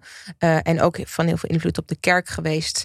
eh, hoewel ze even vergaten dat hij niet religieus was. Ehm, is het. ehm, eh, eh, was hij dus iemand die. ehm, ja, dat vond ik wel mooi. Hij had een soort eigenlijk ambivalentie tegenover abortus. We hebben het echt over. over heel erg lang geleden, lieve luisteraars. eh, dat hij heel erg nadacht van: oké, wanneer wordt, wordt een mens een mens? Nou, dat is een van de terugkerende vragen in het, in het, Ja. in het gesprek over abortus. Eh, wanneer wordt er mens een mens? Nou, hij was heel erg van dualisme. Het idee van: oh, de mens wordt pas een mens op het moment dat lichaam en ziel zich met elkaar verenigen. En wanneer, vier, wanneer, wanneer vaart de ziel in het mensenlichaam? Dat is vanaf het moment, hè, ik bedoel, eh, mind you, de medische wetenschap stond op een heel ander punt. Dat is op het moment dat je bewegingen begint te voelen in de zwangere buik. Dat is het moment waarop de ziel in het lijfje vaart. En dat is het moment dat het een werkelijk mens wordt. Tot die tijd mag abortus dus. Dat is bijvoorbeeld wat Aristoteles Hmm. lange tijd zei. Ja. Kwam die later weer een beetje op terug. Maar in elk geval, om maar aan te geven, men denkt al heel erg lang na over ehm, geboortebeperking, Ja. over zwangerschapsafbreking. Nog ver voorbij, zeg maar, de kampen zoals wij ze kennen vandaag de dag. Die ook heel erg gaan over het, het eh, reguleren van het vrouwenlijf. Ehm, die, dat is daar altijd wel mee verweven geweest. Maar er zijn soms ook hele andere politieke, economische factoren eh, mee, hebben meegespeeld. Maar goed, om even die gedachte af te maken. Wat je dus wel ziet, is dat eh, de ene groep kon zwanger worden, de andere niet. Zeg maar historisch gezien, als we even kijken van... oké, je had mannen en je had vrouwen. Vandaag denken we daar iets meer fluïde over. Maar lange tijd was dat zo. Hele lange tijd. Hele lange tijd. Ehm, dat ehm, dus de regulering van de een, eh, de regulering van zwangerschap effecten had op de een en niet op de ander. Zeg maar de meest concrete Ja. effecten had op de groep vrouwen. Ik zeg niet dat mannen er niks mee te maken hadden, maar het waren de vrouwen die gedwongen werden soms om wel twintig zwangerschappen te, te doorlopen. Ehm, en eh, tegelijkertijd waren er natuurlijk ook hele stukken land waar de arm van de, van de wet en van de regering helemaal niet kwam. Hele rurale gebieden Mhm. waar dat gewoon wel helemaal oké was. Eh, dus de- die, dat is een hele rijke geschiedenis. Daar kom ik helemaal niet eh, natuurlijk allemaal aan toe in een lang essay. Maar dat is wel iets om. Dat, dat, is, dat raakt soms een beetje verloren in, in hedendaagse gesprekken daarover. En hoe staan we er dan nu voor in Nederland vanuit jouw blik? Jouw Nou ja, de reden eigenlijk om nog even terug te komen op, ehm, op een van de eerste vragen over van waarom dit boekje, was dat ik dus merkte dat ik bij het meemaken van die eh, live hoorzittingen in het, in het Hoge Rechtshof in december, dan gaan ze eigenlijk alle pleidooien tot zich nemen van de verschillende de hoeken. Eigenlijk de verschillende kanten van het debat mogen zich uitspreken in dat hof. Dan gaan die rechters daarna in beraad, maanden en maanden, eh, om er tot te komen. En ik was naar die livestream aan het luisteren en luisterde naar al die argumenten die er, die er, die er aangereikt, al die pleidooien die aangereikt werden. En ik stond, ik schrok van het feit dat ik eigenlijk zelf best wel met mijn mond vol tanden stond. Waar het aankwam op het verdedigen van de legale abortus. En ik realiseerde me daardoor dat zelfs al ben ik feminist en al ben ik historicus en heb ik best wel wat kennis van gewoon ook de, de, de nou ja, zeg maar emancipatie in de 20e eeuw en ook wel wat van abortus, dat ik eigenlijk heel erg slecht had geleerd om het recht op legale abortus te verdedigen. En dat zette me aan het denken over waarom, waarom houden we sommige argumentatie als het aankomt op wetten of op ons staatsbestel eigenlijk in leven. Dus bijvoorbeeld elke 4 en 5 mei staan we als maatschappij heel bewust stil bij ehm, het, het belang van een democratische rechtsstaat, het belang van gelijkheid voor de wet, het belang van geen oorlog hebben, het belang van inclusie en het niet wegzetten van groepen als kakkerlakken of als eh, Marokkanen of als Noem het maar op. Ja. al, al dat soort dingen. Gewoon, Ja. Noem het maar op. Ehm, maar waarom doen we dat bij, andere, bij, bij een aantal andere zaken niet? Waarom doen we dat bijvoorbeeld niet bij de wet zwangerschapsafbreking? Ik zeg helemaal niet dat er een soort, eh, bij wijze van spreken, 6 mei moet zijn... waarop we het allemaal over zwangerschapsafbreking gaan hebben. Helemaal niet. Maar, maar wel dat het curieus is dat we eigenlijk verleren hoe we voor onze rechten op moeten komen. En voor een deel komt dat omdat we natuurlijk. Ik vind ook dat er een schoonheid zit hoor. In het achteroverleunen en in het, in het iets beschouwen als een verworvenheid. Ja, en als een dit hebben we wel gegeven. geregeld. Ja, we hoeven ook niet altijd. En da- da- daar komen we straks misschien wel op van. We hoeven ook niet de discussie te heropenen over abortus, voor of tegen. Ehm, maar we moeten wel klaar zijn om het te verdedigen wanneer het nodig blijkt. Ja. En de reden dat we daar op voorbereid moeten zijn, is omdat weliswaar er maar een heel klein percentage van de Nederlandse bevolking voor afschaffing van de legale abortus is. Slechts 10% Dat is echt heel erg weinig. Ehm, als je weer nadenkt over die electorale meerderheid die er nodig zou zijn in de Tweede Kamer om het af te schaffen, dan kom je er met 10% dus zeg maar niet. Maar we hebben ook gezien in de afgelopen 5 à 10 jaar in de wereldwijde politiek eh, en ook in ons eigen Nederland tijdens bijvoorbeeld COVID, hoe snel maatschappelijke veranderingen Ja. eh, en, en, en a change of heart kan, eh, zich kan voltrekken. En als je kijkt naar abortus, dan zie je dus dat abortus, jullie noemden net Polen, Ja. al op verschillende westerse plekken dusdanig eh, eigenlijk in vragen is, is geraakt. op, op een manier zoals we dat tien of twintig jaar geleden niet voor mogelijk hadden gehouden. Dus bijvoorbeeld Polen in 2020 schafte abortus volledig af. Behalve in gevallen van incest of eh, verkrachting. Of wanneer het eh, leven van de vrouw, eh, van de zwangere, zij zeggen dan vrouw, in, in gevaar zou, zou komen. Wat overigens trouwens betekent dat in de praktijk heel veel vrouwen bij wie het voorkomen zou kunnen worden dat zij stierven als gevolg van bijvoorbeeld zwangerschapsvergiftiging, ehm, eh, eh, eh, niet voorkomen zijn. Omdat dokters als de dood zijn dat hun medische evaluatie in twijfel wordt getrokken en zij vervolgd worden op het moment dat ze toestemming geven voor abortus. Maar goed, je ziet dus in het Westen, Polen had dat, de VS is nu aan de beurt je, je ehm, ja, ik gun het mensen om achterover te kunnen leunen. Maar ik gun het ons ook als zeg maar progressieve feministen. Dat we niet vergeten hoe we dat gesprek aan moeten gaan Ja. wanneer het nodig is. Ja. Ja. Ja, en wat ik ook bij Polen, wat ik toch ergens ook wel eng vind, is dat dus daar waren uit enquêtes was gebleken dat 10 tot 15 procent van de eh, Poolse bevolking voor het afschaffen van eh, legale abortus is. Eh, en ik heb dus hier bij sommige partijen het idee, mensen stemmen op een partij, maar ze weten niet altijd dat zo'n partij ook een anti-abortus statement met zich meebrengt. Ja, nou zijn ik Polen? Polen ook zo, eh, dat is nog wel even goed om te noemen.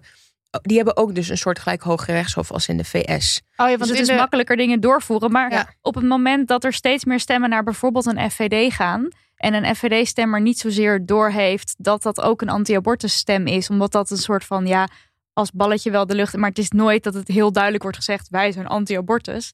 Dat vind ik dan toch een eng idee. Ook al wil- hoeft dat niet te betekenen dat we meteen hier morgen andere wetgeving krijgen. Maar snap je wat ik bedoel? Ja, zeker. Dat is ook een interessant, interessant punt. Maar het is natuurlijk wel zo, want in landen als VS en Polen, in allebei die landen is het volgens mij zo dat de meerderheid van de mensen is voor het Behouden van. behouden van abortus. In allebei landen. Ja, ook in de VS inderdaad. Hoewel het daar iets lastiger ehm, te tellen is op een bepaalde manier. Omdat je bijvoorbeeld wel ziet... Kijk, het argument van veel republikeinen in de VS... is dat als je kijkt naar staatsniveau...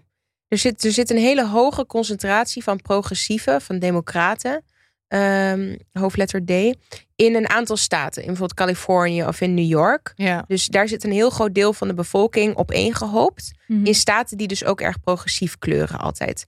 Eh, dat betekent dat op het moment dat, ehm, dat je naar staten gaat waar de bevolkingsdichtheid veel lager is, eh, het wel zo kan zijn dat bijvoorbeeld eh 80% eigenlijk voor afschaffing van abortus is.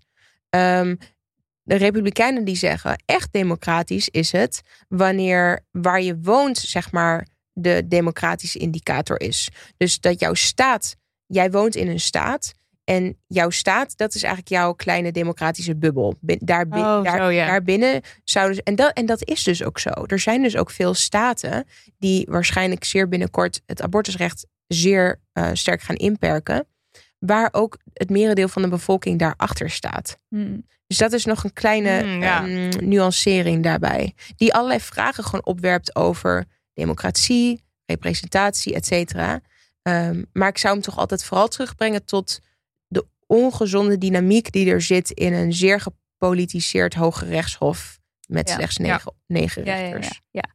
En over de Nederlandse staat van zijn is niet zozeer dat je daar zorgen over maakt, maar meer dat je denkt van wees gewoon altijd Pre-prepared. prepared om, om, om de juiste standpunten te kunnen geven. Ja, nou ja, ook. ehm, ik werd op een gegeven moment, dat schrijf ik ook in het boek, ook gevraagd door de EO voor een radio-item. Ja. En toen werd ik gevraagd als rechtshistoricus aanvankelijk om over iets over die nieuwe wetten in Texas van vorig jaar te zeggen. En dat wilde ik en we waren aan het voorbereiden en ik was met die redacteur aan het appen inhoudelijk en ik zat een beetje artikelen online daarover te lezen. En ehm, toen zei ze, oh ja, er is trouwens ook een andere gast. En dat is dan iemand van de SGP. Een vrouw van de, van de SGP, als ik me niet vergis. Ehm, en ja, het lijkt ons dan heel erg mooi om de, de twee stemmen die horen bij dit verhaal een Ja. plaats te geven. Echt typisch ook weer. Dan kan jij de voorstem, dan kan jij voor abortus zijn. En, en, en, en, ik, en dan zei tegen. En ik, en ik zei maar, maar wacht even. Ik dacht dat ik aanschoof als, als rechtshistoricus. Los van wat mijn mening over abortus is, dacht ik dat we het inhoudelijk gingen hebben over gerechtelijke ontwikkelingen in de VS op dit gebied. Waarom? En ik heb dus ook bedankt daarvoor. Ik heb dat afgezegd. En toen ging gelukkig het item niet door. Ehm, we moeten niet doen alsof diezelfde ja-nee tegenstelling zoals die in de VS bestaat, hier in Nederland aan de gang is.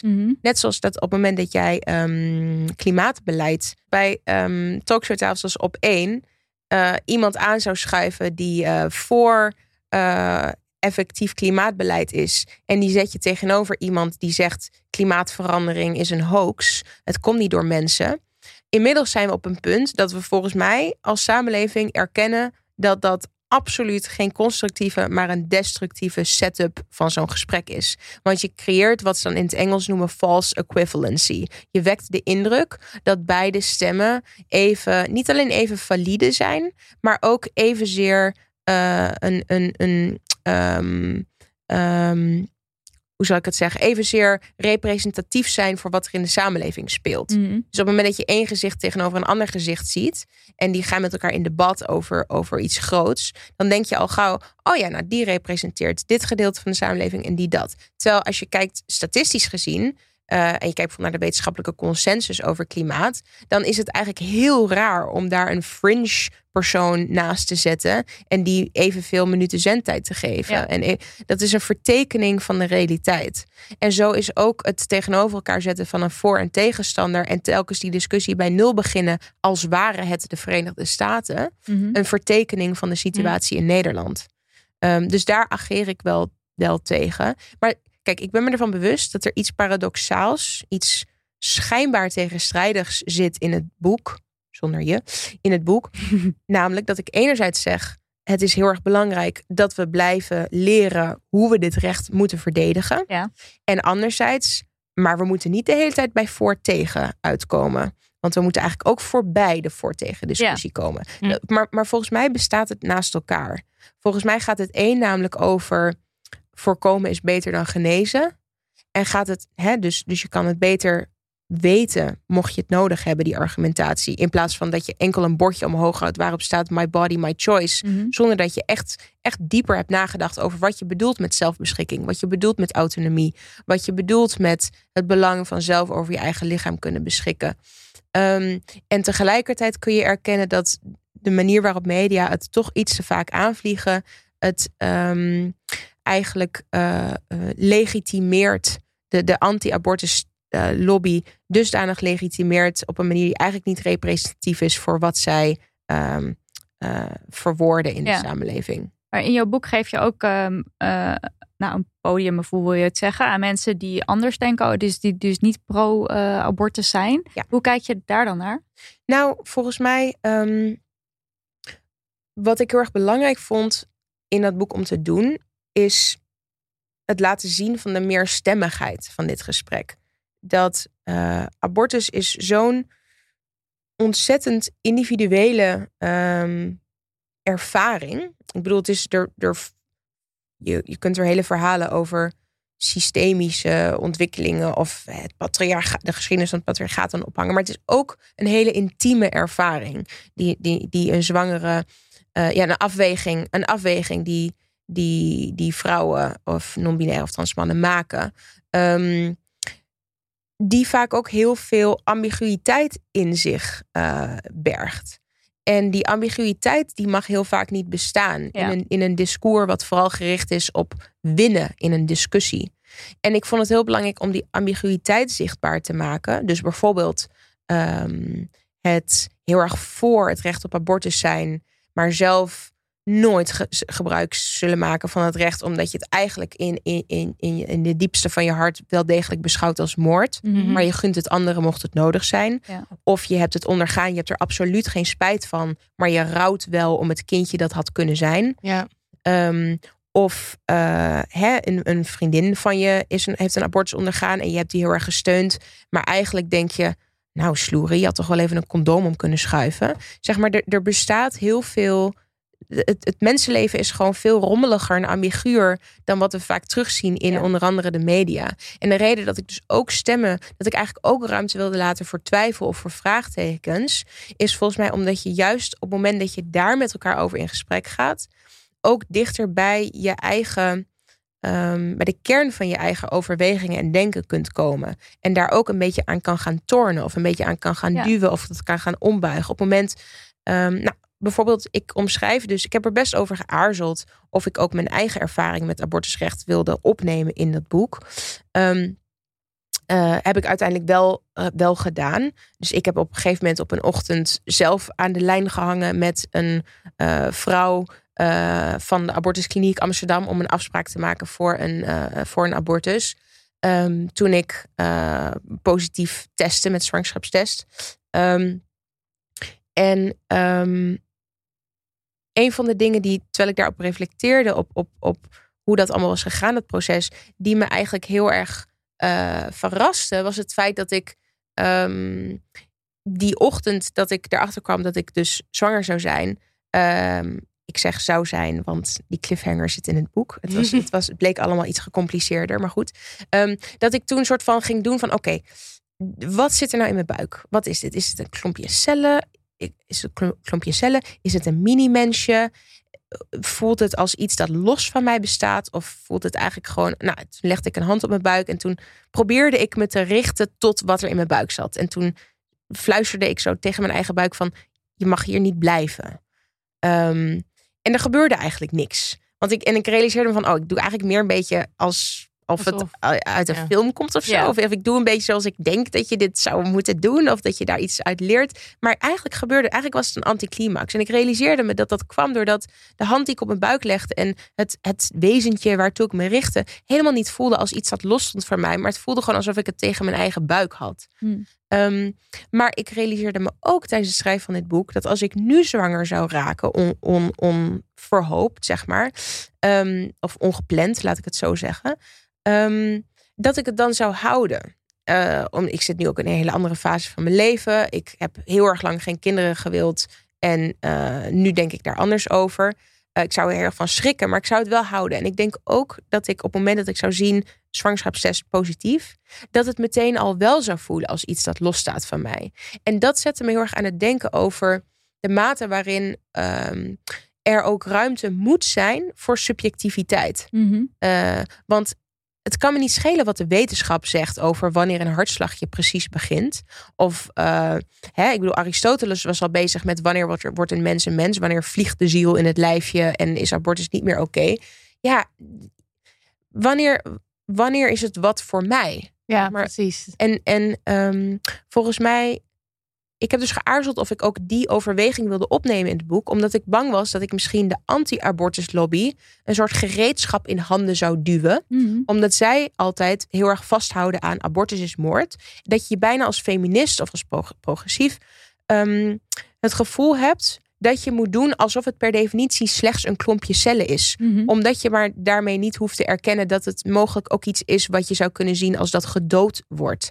Ehm, en dus op het moment dat ik zelf ambivalentie of ambiguïteit eh, aan de dag stel in het boek. Van ja, het ene, de ene keer is het dit en de andere keer is het dat. Voelt het bijna alsof je een soort van de anti-abortuslobby een wapen in handen geeft om, jou, om jouw hypocrisie aan mee aan te vallen en jou mee onderuit te schoffelen. Maar volgens mij is het juist wat ons uiteindelijk sterker maakt in dat argument. En nou ja, goed, dat is dus ook de reden dat ik er mensen in wilde verwerken. Want ik dacht, het is ook niet eerlijk als ik alleen maar die voorstem laat zien. Ik ben ook gewoon heel erg nieuwsgierig naar hoe mensen die tegen abortus zijn erover denken. Ja. Volgens mij is het waardevol omdat je daarin ziet dat eigenlijk die anti-abortus lobby, zoals wij hem kennen van televisie of van die plastic abort, foetussen die door de brievenbus doen of door die eh, campagnespotjes van de Week van het Leven, dat eigenlijk ook dat een vertekening is van die groep die tegen abortus is. Dat zijn vaak veel, eh, dat zijn ook genuanceerdere denkers. Mhm. En ik realiseer me dat dat een beetje gek klinkt. Of dat sommige luisteraars misschien zelfs denken, maar die moet je toch geen podium bieden. Maar kijk maar eens wat er gebeurt als je dat wel doet. Het zal je verbazen, zou de correspondent zeggen. Ja, ja, het is wel zo dat door, door je boek te lezen en ook alle reacties die je dus gekregen hebt, die je hebt opgenomen, ga je dus wel inderdaad veel meer nadenken over wat je vindt van de dingen. En dan niet zozeer alleen abortus eh, eh, ja of nee. Want jij schrijft ook op een gegeven moment in je boek van het, het, het is eigenlijk niet alleen maar die ja of nee vraag. Ehm, er zijn ook allerlei andere ingewikkelde vraagstukken die spelen. Dus dan gaat het ehm, bijvoorbeeld dus van, vanaf wanneer zie je de foetus als een mensje? Dat is zo'n vraag. En dat, er zijn gewoon heel veel vragen ook die er omheen hangen. Ja. En die vragen, heb je daar voor jezelf eigenlijk antwoord op gekregen? Mm. Nou, ik Of wil je daar antwoord op, op krijgen voor jezelf? Nou, ik ben van, van die vraag van hè, wan- wanneer is de foetus, wanneer is de mens? Ben die, die vraag ben ik echt minder interessant gaan vinden. Mhm. Ja, door dat gevoel wat je net beschrijft, denk ik. Ik vond het dus wel echt in- interessant om te lezen dat het.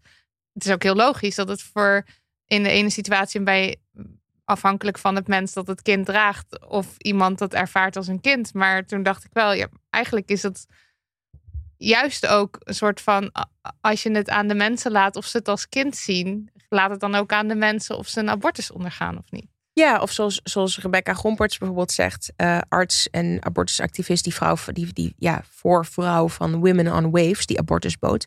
Zij stelde ook in een interview met NRC een tijdje geleden, ehm, als je vrouwen, of laten we zeggen zwangeren, ermee vertrouwt dat zij een, een keuze kunnen maken om, Ja. om voor het ouderschap te kiezen, waarom nemen we ze dan niet serieus genoeg om ze te vertrouwen met de keuze tot eh, overgaan tot abortus? Ja. Ehm, het gaat ook over serieus nemen. Het, ga, het gaat ook over eh, iemand. Iemand is in die reacties in dat tweede deel van het boek. eh, die, die, die, die, vraagt ook heel terecht. Hè, waarom hebben we eigenlijk nooit vijf dagen verplichte bedenktijd gehad Ouderschap. voor Ja. ouderschap? Ja. Eh, hè, een keuze die, die nog, die, hoe zeg je dat? Arguably nog veel impactvoller is dan de keuze om tot abortus over te gaan. Mhm. Maar goed, kijk, het lastige is, de christelijke anti-abortus eh, groep, lobby abstraheert soms ook. Het, is ook. het zijn ook gewoon een groep, het is een groep individuen. Die mensen, ehm, het, is ook, het is soms ook goed om je erin te verplaatsen dat die mensen oprecht het gevoel hebben Ja. dat er een kind gedood Ja, wordt. want die, die, die comment in jouw boek, die greep mij ook echt. Dat was dus iemand die zei...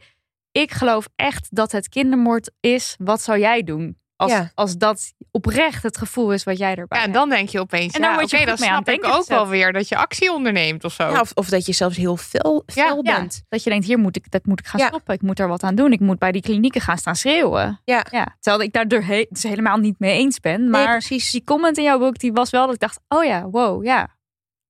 En het, het, het vermenselijkt ook. Ja. Eh, dat, dat, dat valt me soms op bij ehm, ja, hoe we praten over, over bewegingen. En dat kan ook bijvoorbeeld zijn zoals, je, zoals er soms gesproken werd de afgelopen tien jaar over klimaatactivisten. Super abstract. Je zag dan een soort groep mensen voor je, zonder gezicht eigenlijk.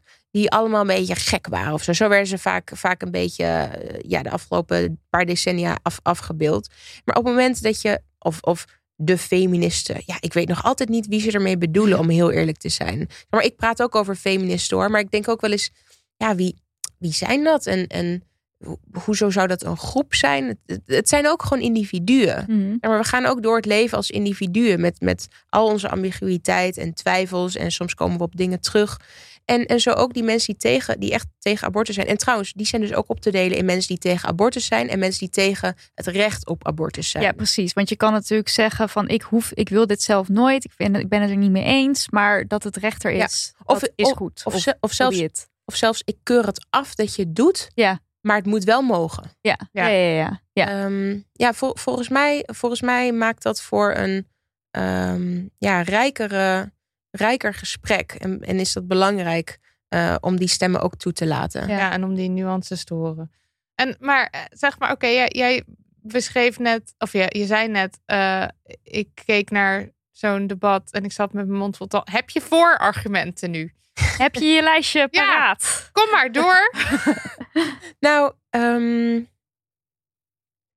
het is heel erg moeilijk om in een paar bullet points te vangen. Eh, dat blijft moeilijk. Ook voor mij nu na Mhm. het schrijven hiervan. En ehm, wat ik namelijk ook wilde voorkomen is. Is dat je eh, eigenlijk dat soort argumenten of pleidooien ophangt aan hele praktische zaken. Dus dat je bijvoorbeeld, kijk, het is heel makkelijk om de, eh, de, de WHO, de World Health Organization, te citeren en te zeggen hoeveel miljoenen vrouwen er eh, jaarlijks sterven als gevolg van slecht uitgevoerde illegale abortussen. Ja. En ehm, het is heel gemakkelijk om te zeggen van denk eens aan al die superarme eh, gezinnen in armoede die echt niet nog een mond erbij kunnen hebben om te voeden. Dat gaat dan ook ten koste van die andere kinderen en ten koste van de kwaliteit van hun leven. Het is toch echt belangrijk dat we abortus hebben. Het, het, het probleem met die eigenlijk praktische argumenten is dat je daarmee abortusrecht, het, het recht op legale abortus, ophangt aan potentieel veranderlijke omstandigheden. Dus hypothetisch gezien, als je een maatschappij hebt waarin er geen armoede bestaat, vervalt dus dat argument. Ja. Op het moment dat je hypothetisch gezien in een samenleving woont waarin de illegale abortus geheel veilig is gemaakt, Ja. namelijk hè, bewijs van spreken dat je een klein eh, kiezeltje eh, inbrengt in je, ehm, eh, in, je, in je baarmoeder en dat dan binnen een dag het helemaal opgelost is, zonder pijntje, zonder gevaar. Ehm, hebben we het dan ook opeens niet meer nodig? Gaan we dan ook stoppen met, met, met pleiten voor abortusrecht? Met andere woorden, ehm, op het moment dat je, dat je het ophangt aan dat soort veranderlijke omstandigheden, maak je je eigenlijk heel kwetsbaar. Ehm, en dat bepleitte dus ook die, die, die Lynn Fitch, die, die Mississippi-aanklager uh, bij, het, bij het Hoge Rechtshof. Die zei ook van, we leven niet meer in de wereld van de jaren 60, 70 en 80. Inmiddels is abortus veel minder noodzakelijk, want er is minder armoede of er zijn betere sociale vangnetten en adoptiebeleid is beter, bla bla bla. Dus die was eigenlijk aan het beargumenteren dat het niet langer nodig is. Ja. Maar ik zou willen stellen, um, en dat schrijf ik ook in het boek, zeg maar zelfs al zou illegale abortus totaal veilig zijn, dan nog gaat het in de kern om zelfbeschikking. Ja. En om auto, een, een gevoel van autonomie en serieus nemen. Waar, waarom um, uh, abortusrecht uh, er wel beschikbaar zou moeten blijven. Maar dan moet je dus daarop in kunnen gaan. Ja. Dan moet je dus dieper kunnen ingaan op wat je dan bedoelt met zelfbeschikking. Um, ja, een, een ander, ik, wat ik al, waar ik al even naar refereerde, van die spiegelmaatschappij, die maatschappij waar abortus niet legaal is. Um, uh, dat is precies ook waarschijnlijk de maatschappij waar wij allemaal niet in zouden willen, willen leven. Um, maar zelfs als die maatschappij er best wel rooskleurig uit zou zien, dan nog moeten we volgens mij het hebben over wat we bedoelen met zelfbeschikking Ja. en waarom ons dat zo dierbaar is. Tegelijkertijd, een kleine voetnoot, dat is dus ook heel cultureel bepaald. Wij in Nederland leven in een maatschappij die veel waardering heeft voor het individu. En die heel erg denkt vanuit individualisme. En vanuit individuele verantwoordelijkheid en maakbaarheid van geluk, et cetera. Maar er zijn natuurlijk ook heel veel landen die een veel collectievere cultuur hebben. Waarbij mensen zichzelf niet beschouwen als een individuele actor, maar vooral als een radertje in een familie of in een systeem, in een groep. Um, die mensen zullen bijvoorbeeld weer veel minder uh, ja, vatbaar zijn, zeg maar, voor de argumentatie van zelfbeschikking. Ja. Dus, dus hè, die, die praktische dingen die kunnen wel echt um, een doel dienen. Maar we moeten er voorzichtig mee zijn dat het niet de enige zijn die we gebruiken. Ja. En daarom zeg ik ook aan het eind van het boek dat abortusrecht voor mij, ben ik tot de conclusie gekomen, draait om vrijheid. Het draait niet om veiligheid. Het draait niet om um, uh, uh, um, hoe risicovol de ene versus de andere situatie is. Het draait om vrijheid. Het draait om serieus genomen worden als individuele burger die zelf kan beslissen wat, wat, wat goed voor hen is. Ja, en dat, dat gevoel heb ik bij alle. Uh, daar waar wetten worden teruggedraaid of waar, waar het wordt bemoeilijkt, heb je altijd gewoon heel sterk dat gevoel van ofwel betutteling of dat, je, dat jou iets opgelegd wordt en jij mag niet kiezen. En je wordt gedwongen iets ja. te voldragen en iets met je lijf te doen wat je niet wil. En dat vind ik zo onverdraagbaar idee. Ja, nee, precies. Het gaat dus over vrijheid, omdat in de ene maatschappij. Uh, waarin de mogelijkheid tot abortus er is, dat verplicht niemand tot iets. Niemand is verplicht een abortus te ondergaan. Uh, het is een mogelijkheid. Terwijl in de andere maatschappij, waarin abortus illegaal is, worden miljoenen mensen ja, verplicht iets ver, te doen. Verplicht iets te doen. Namelijk Ja. een zwangerschap te Ja. voldragen, een bevalling te ondergaan, het ouderschap te accepteren. Ja. Ja, daarin gaat het dus over vrijheid versus onvrijheid. Ik heb nog een, uh, een vraag, eigenlijk namens Eva de Goeie. Die wordt ook uh, gewoon met naam en toenaam genoemd in jouw boek. Werkzaam bij AVA, organisatie die zich inzet voor toegankelijke anticonceptie en abortus. Zij uh, plaatste een kanttekening bij een stuk dat jij ooit schreef voor de krant. Dat is al eventjes geleden. Namelijk dat we het steeds hebben over abortus ja-nee. Staat het gesprek over goede kwalitatieve zorg in de weg. Wat komt er na de abortusdiscussie? Hoe sta je tegenover die kanttekening van haar? Ja, supergoed. Ja, uh, ja zij is echt top. Um, en het was ook geheel terecht. Dat was een essay, dat was een soort van uh, hele korte versie van het boek dat ik schreef. Een soort voor, ja, niet eens een voorpublicatie, maar echt gewoon een, een, een vroege versie in de Volkskrant van uh, nog geen 2000 woorden. Um, waarin ik vooral inzoomde op het belang van het kunnen beargumenteren van een legale abortus. Ja. En, toen... en daar, hebben we, daar vragen wij nu ook eigenlijk weer aan jou van kom met dat lijstje, kom met die punten, weet je wel. Dus het is Geef wel het iets, me, zodat het is wel het iets waar ja. het een beetje elke keer blijft hangen, wat Eva dus ook ja. zegt. Niet in jouw boek hoor, maar ja, wat ik bij mezelf ook merk. Dus gewoon, je bent de hele tijd bezig met dat recht te verdedigen of niet te verdedigen, zeg maar. Het gaat de hele tijd over of het mag of niet. Maar niet over wat het dan inhoudt. Nou ja, precies. Niet, niet over eh, wat daarna komt. Ja. Ja. Ehm, nee, en daar maakt, ze, daar maakt ze ook een heel, heel terecht punt. En daarom heb ik haar ook eh, daarin opgenomen in, dat, in het boek. Om, ehm, en dat kon ik simpelweg gewoon in dat kortere essay niet goed kwijt. Maar dat is heel belangrijk om te noemen. Namelijk, hè, hoe, hoe, hoe gaan we om met abortuszorg? Dus voor, voorbij alleen maar eh, hebben het wel of niet? We hebben het. En het staat niet op wankelen in Nederland. Dus hoe gaat het er eigenlijk mee? Ehm, en dan kom je dus uit bij bijvoorbeeld de vraag: why the fuck was het zo dat tijdens COVID ehm, zwangeren, als zij COVID hadden, geen toegang hadden tot abortus, bijvoorbeeld middels een abortuspil. Een abortuspil, dat zijn eigenlijk drie pillen. En die kun je nemen tot met de negende week. Eh, en die wekken een zwangerschapsafbreking op. Dus mocht jij COVID hebben en je kan niet naar de kliniek, dan hoef jij niet nog langer gedwongen zwanger rond te lopen. Als je nog in het vroege stadium zit, dan kun je die pil krijgen. Alleen in heel veel andere westerse landen werd die pil tijdens COVID tijdelijk, of dat werd uiteindelijk definitief, per post eh, verstrekt. Um, in Nederland niet. In Nederland wilden ze dat niet doen. In Nederland werd er eerder dit jaar nog gedebatteerd of die abortuspil überhaupt verkrijgbaar moet zijn via de huisarts in Ja. plaats van alleen maar via de kliniek.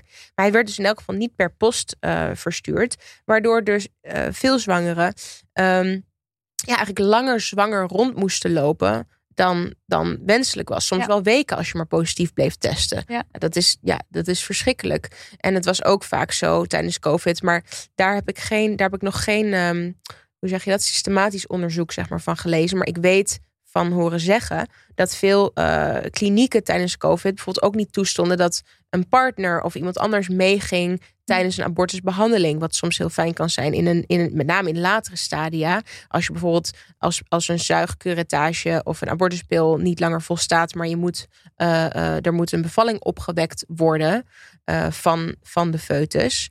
Um, omdat het, uh, weet ik het, in week 19 of zo al zit. Wanneer er iets verschrikkelijks wordt geconstateerd. waardoor het niet voldragen kan worden, bijvoorbeeld. Um, dat dat ook alleen gedaan moest worden. In plaats ja. van dat de partner kon zeggen: Nee, kijk, ik ben negatief getest. Mag ik, mag ik er hand vasthouden? Ja, ja. um, maar je hebt het ook, je ziet het ook met. Dat in Nederland pas heel recent, namelijk eerder dit jaar, de bedenktijd is afgeschaft. Ja. De verplichte bedenktijd van vijf dagen, die eigenlijk ook infantiliserend was. En ervan uitging dat vrouwen er nog niet uh, goed genoeg over na hadden gedacht op het moment dat ze zeiden: Ik wil een abortus. En dus vaak ook nog vijf dagen extra zwanger moesten rondlopen van de staat. Mhm. Omdat de staat hen eigenlijk niet serieus nam. Nou, dat is pas heel recent afgeschaft. En het is bijvoorbeeld zo dat ongedocumenteerde immigranten.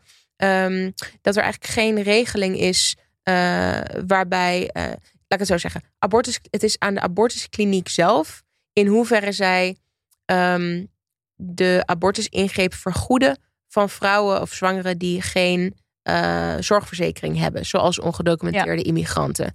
Dus die moeten zelf soms 250 of 500 euro kunnen betalen om dat te kunnen ondergaan. Nou, het zou eigenlijk heel goed zijn als de staat zou zeggen: voor, voor dat soort gevallen, en zoveel zijn het er niet, dat is echt gewoon heel erg goed te, te doen. Ja, dat betalen we gewoon klaar. Ja, betalen we gewoon klaar. Um, dat zijn allemaal dingen waar nog uh, echt winst te behalen is als je het hebt over toegankelijkheid. Ja. Ja. En dat zegt Eva de Groei ook. Daar maakt Ava zich ook uh, heel goed hard voor. Ja, juist ook over dit soort dingen praten.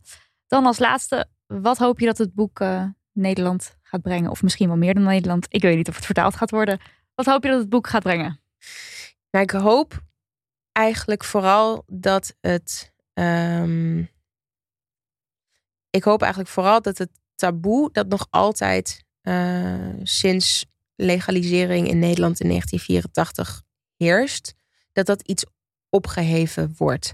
Um, en, dan, en, en dan is het dus ook heel belangrijk om ruimte te laten voor die ambiguïteit en voor die twijfels of voor die gedachten die naast elkaar bestaan. Um, want dat zijn eigenlijk de eerste uh, slachtoffers die vallen bij een thema waar een taboe op rust. Uh, op het moment dat ergens taboe op rust, dan kan het er alleen over, dan kan, dan kan het vaak alleen over de uitersten Ja. gaan. Um, terwijl het volgens mij in het, in het schemergebied is waar de meesten elkaar vinden. Um, het klinkt een beetje vaag en abstract misschien, maar wat ik ermee bedoel is dat veel, veel van de mensen die ook iets insturen voor het boek, die spraken ook over de beklemming van een taboe. Een taboe betekent dat je eigenlijk niet geheel eerlijk, je kan niet alleen geheel eerlijk met anderen praten, met bijvoorbeeld of dat nou je werkgever is of je vrienden, die je opeens toch een beetje anders gaan behandelen nadat je een abortus bent ondergaan. Omdat ze heel erg bang zijn om erover te beginnen. Omdat ze misschien bang zijn je te kwetsen of zelf uh, onplaatsbare gevoelens erover hebben. Ehm, dat, je, dat, dat je niet alleen eigenlijk minder eerlijk kunt zijn met anderen, maar dat je ook minder goed eerlijk kan zijn met jezelf. Ehm, dat je ook minder goed het vocabulaire aangereikt krijgt, aangeleerd krijgt om dat soort gedachten en gevoelens te sorteren en te categoriseren in je hoofd. Ja, of dat je misschien niet eens weet dat twijfelen erover dat dat oké is. Ja, bijvoorbeeld, er zijn ook heel veel vrouwen uh, die je leest in het boek die zeggen: um, Ja, ik, ik uh, wilde eigenlijk gewoon mijn abortus inplannen. En ik had daar ja, ik, voor mij was het eigenlijk zoals het inplannen van een tandartsafspraak. Mm Maar ik werd er zo gek op aangekeken dat ik dacht: oh, is er iets mis met mijn geestelijke gezondheid? Dat ik hier geen, geen zware traumatische gevoelens, bij voel. Ja, maar zo dat is ook wat er in dat Tweede Kamerdebat, dat er de hele tijd werd uh, gehamerd op deze. Uh, Niemand maakt dit lichtzinnig. Ja, ja inderdaad ook in het politiek taalgebruik wordt er heel erg van uitgegaan dat, dat dit een zeer zware en ernstige beslissing is. En dat mag hij ook zijn. En dat is hij ook voor velen. Maar voor velen is hij dat niet per se. En voor die groep, ja, die leg je dus eigenlijk een gevoel op wat ze, wat ze misschien helemaal niet hebben. Ja. Dus dat, ook dat gaat om beknelling. En ook dat gaat om onvrijheid. Ja. Ja, en ook andersom. Juist weer mensen die zeggen, nou, uh, vanuit uh, mijn feminisme dacht ik altijd, uh, abortus is helemaal oké. En op het moment dat je dan zelf doet, dat er toch gevoelens van rouw of dat het moeilijk is. En dat je dat dan weer niet echt kan toestaan. Omdat je weer omdat je dan weer denkt, hè, maar ik ging er toch in met. Ja, of omdat. Dit, of, dit is gewoon die afspraak die ik even inplan. En dan voel je je bijna dus de slechte feminist. Er is gewoon te weinig gesprek uh, ja. over. Ja. Nou ja, laten we hopen dat jouw boek daar weer een klein beetje dat doorbreekt. Het heeft mij in ieder geval enorm aan, wel aan denken gezet. Omdat ik gewoon echt in de discussie over abortus. En ik hoor dan tegenargumenten. En dan kan ik zo helemaal zo worden. Maar het niet goed onder woorden brengen. Terwijl het, het viel me ook wel weer mee om de tegenargumenten te lezen. Omdat het dus zo menselijk is of zo. Ja, ja echt. Uh, nou, ik aanrader. Goede gesprekken over gevoerd. Ja. Dankjewel. Fijn. Dit was aflevering 95, deel A. Madeleine, dankjewel voor je heldere uiteenzetting weer. En alle overpeinzingen en het genuanceerde gesprek. Uh, het boek Leven en Laten Leven ligt nu in de winkel, dus go get it. En uh, ben je benieuwd naar onze Damn Money Yes No? Luister dan naar deel B van deze aflevering. Ja, ook nog even props voor de titel van je boek. Ja, oh, ik vind het zo'n mooie titel. Dat heb ik hele tegen Marilot gezegd, maar niet tegen jou. Dus hierbij nu ook nog even. Ja, precies. Uh, ook bedankt aan Daniel van de Poppen, Lucas de Gier en Liesbeth Smit voor de edit, de jingles en onze website damhoney.nl. En op die websites kun je ook de show notes vinden. En dat is damhoney.nl slash aflevering 95a. Ook nog even heel erg veel dank aan alle geweldige mensen die ervoor zorgden dat het transcript van aflevering 94 Vliegensvlug online stond. Sophie, Zenaide, Connie, Cynthia en Marten. En dank aan amberscript.com voor de software. Ja, dankjewel Amberscript. Steun ons op petje.af slash damhoney vanaf 1 euro per maand. En dan krijg je allemaal leuke dingen. Je krijgt uh, bonusafleveringen, je krijgt uh, Damhoney jingle, je krijgt Telegram Inacties, je krijgt inacties. Hartstikke Oh ja, misschien mogen we wel jouw boek daar weggeven. Ik denk het eigenlijk hey, wel. Dat, dat gaan we even, even mailen met uitgever. Ja. Mag vast wel. Nou, dus, ge geef, ja. ons, uh, geef ons geld is eigenlijk de boodschap. Of niet. Altijd en eeuwig zelf weten. Doei. Doei.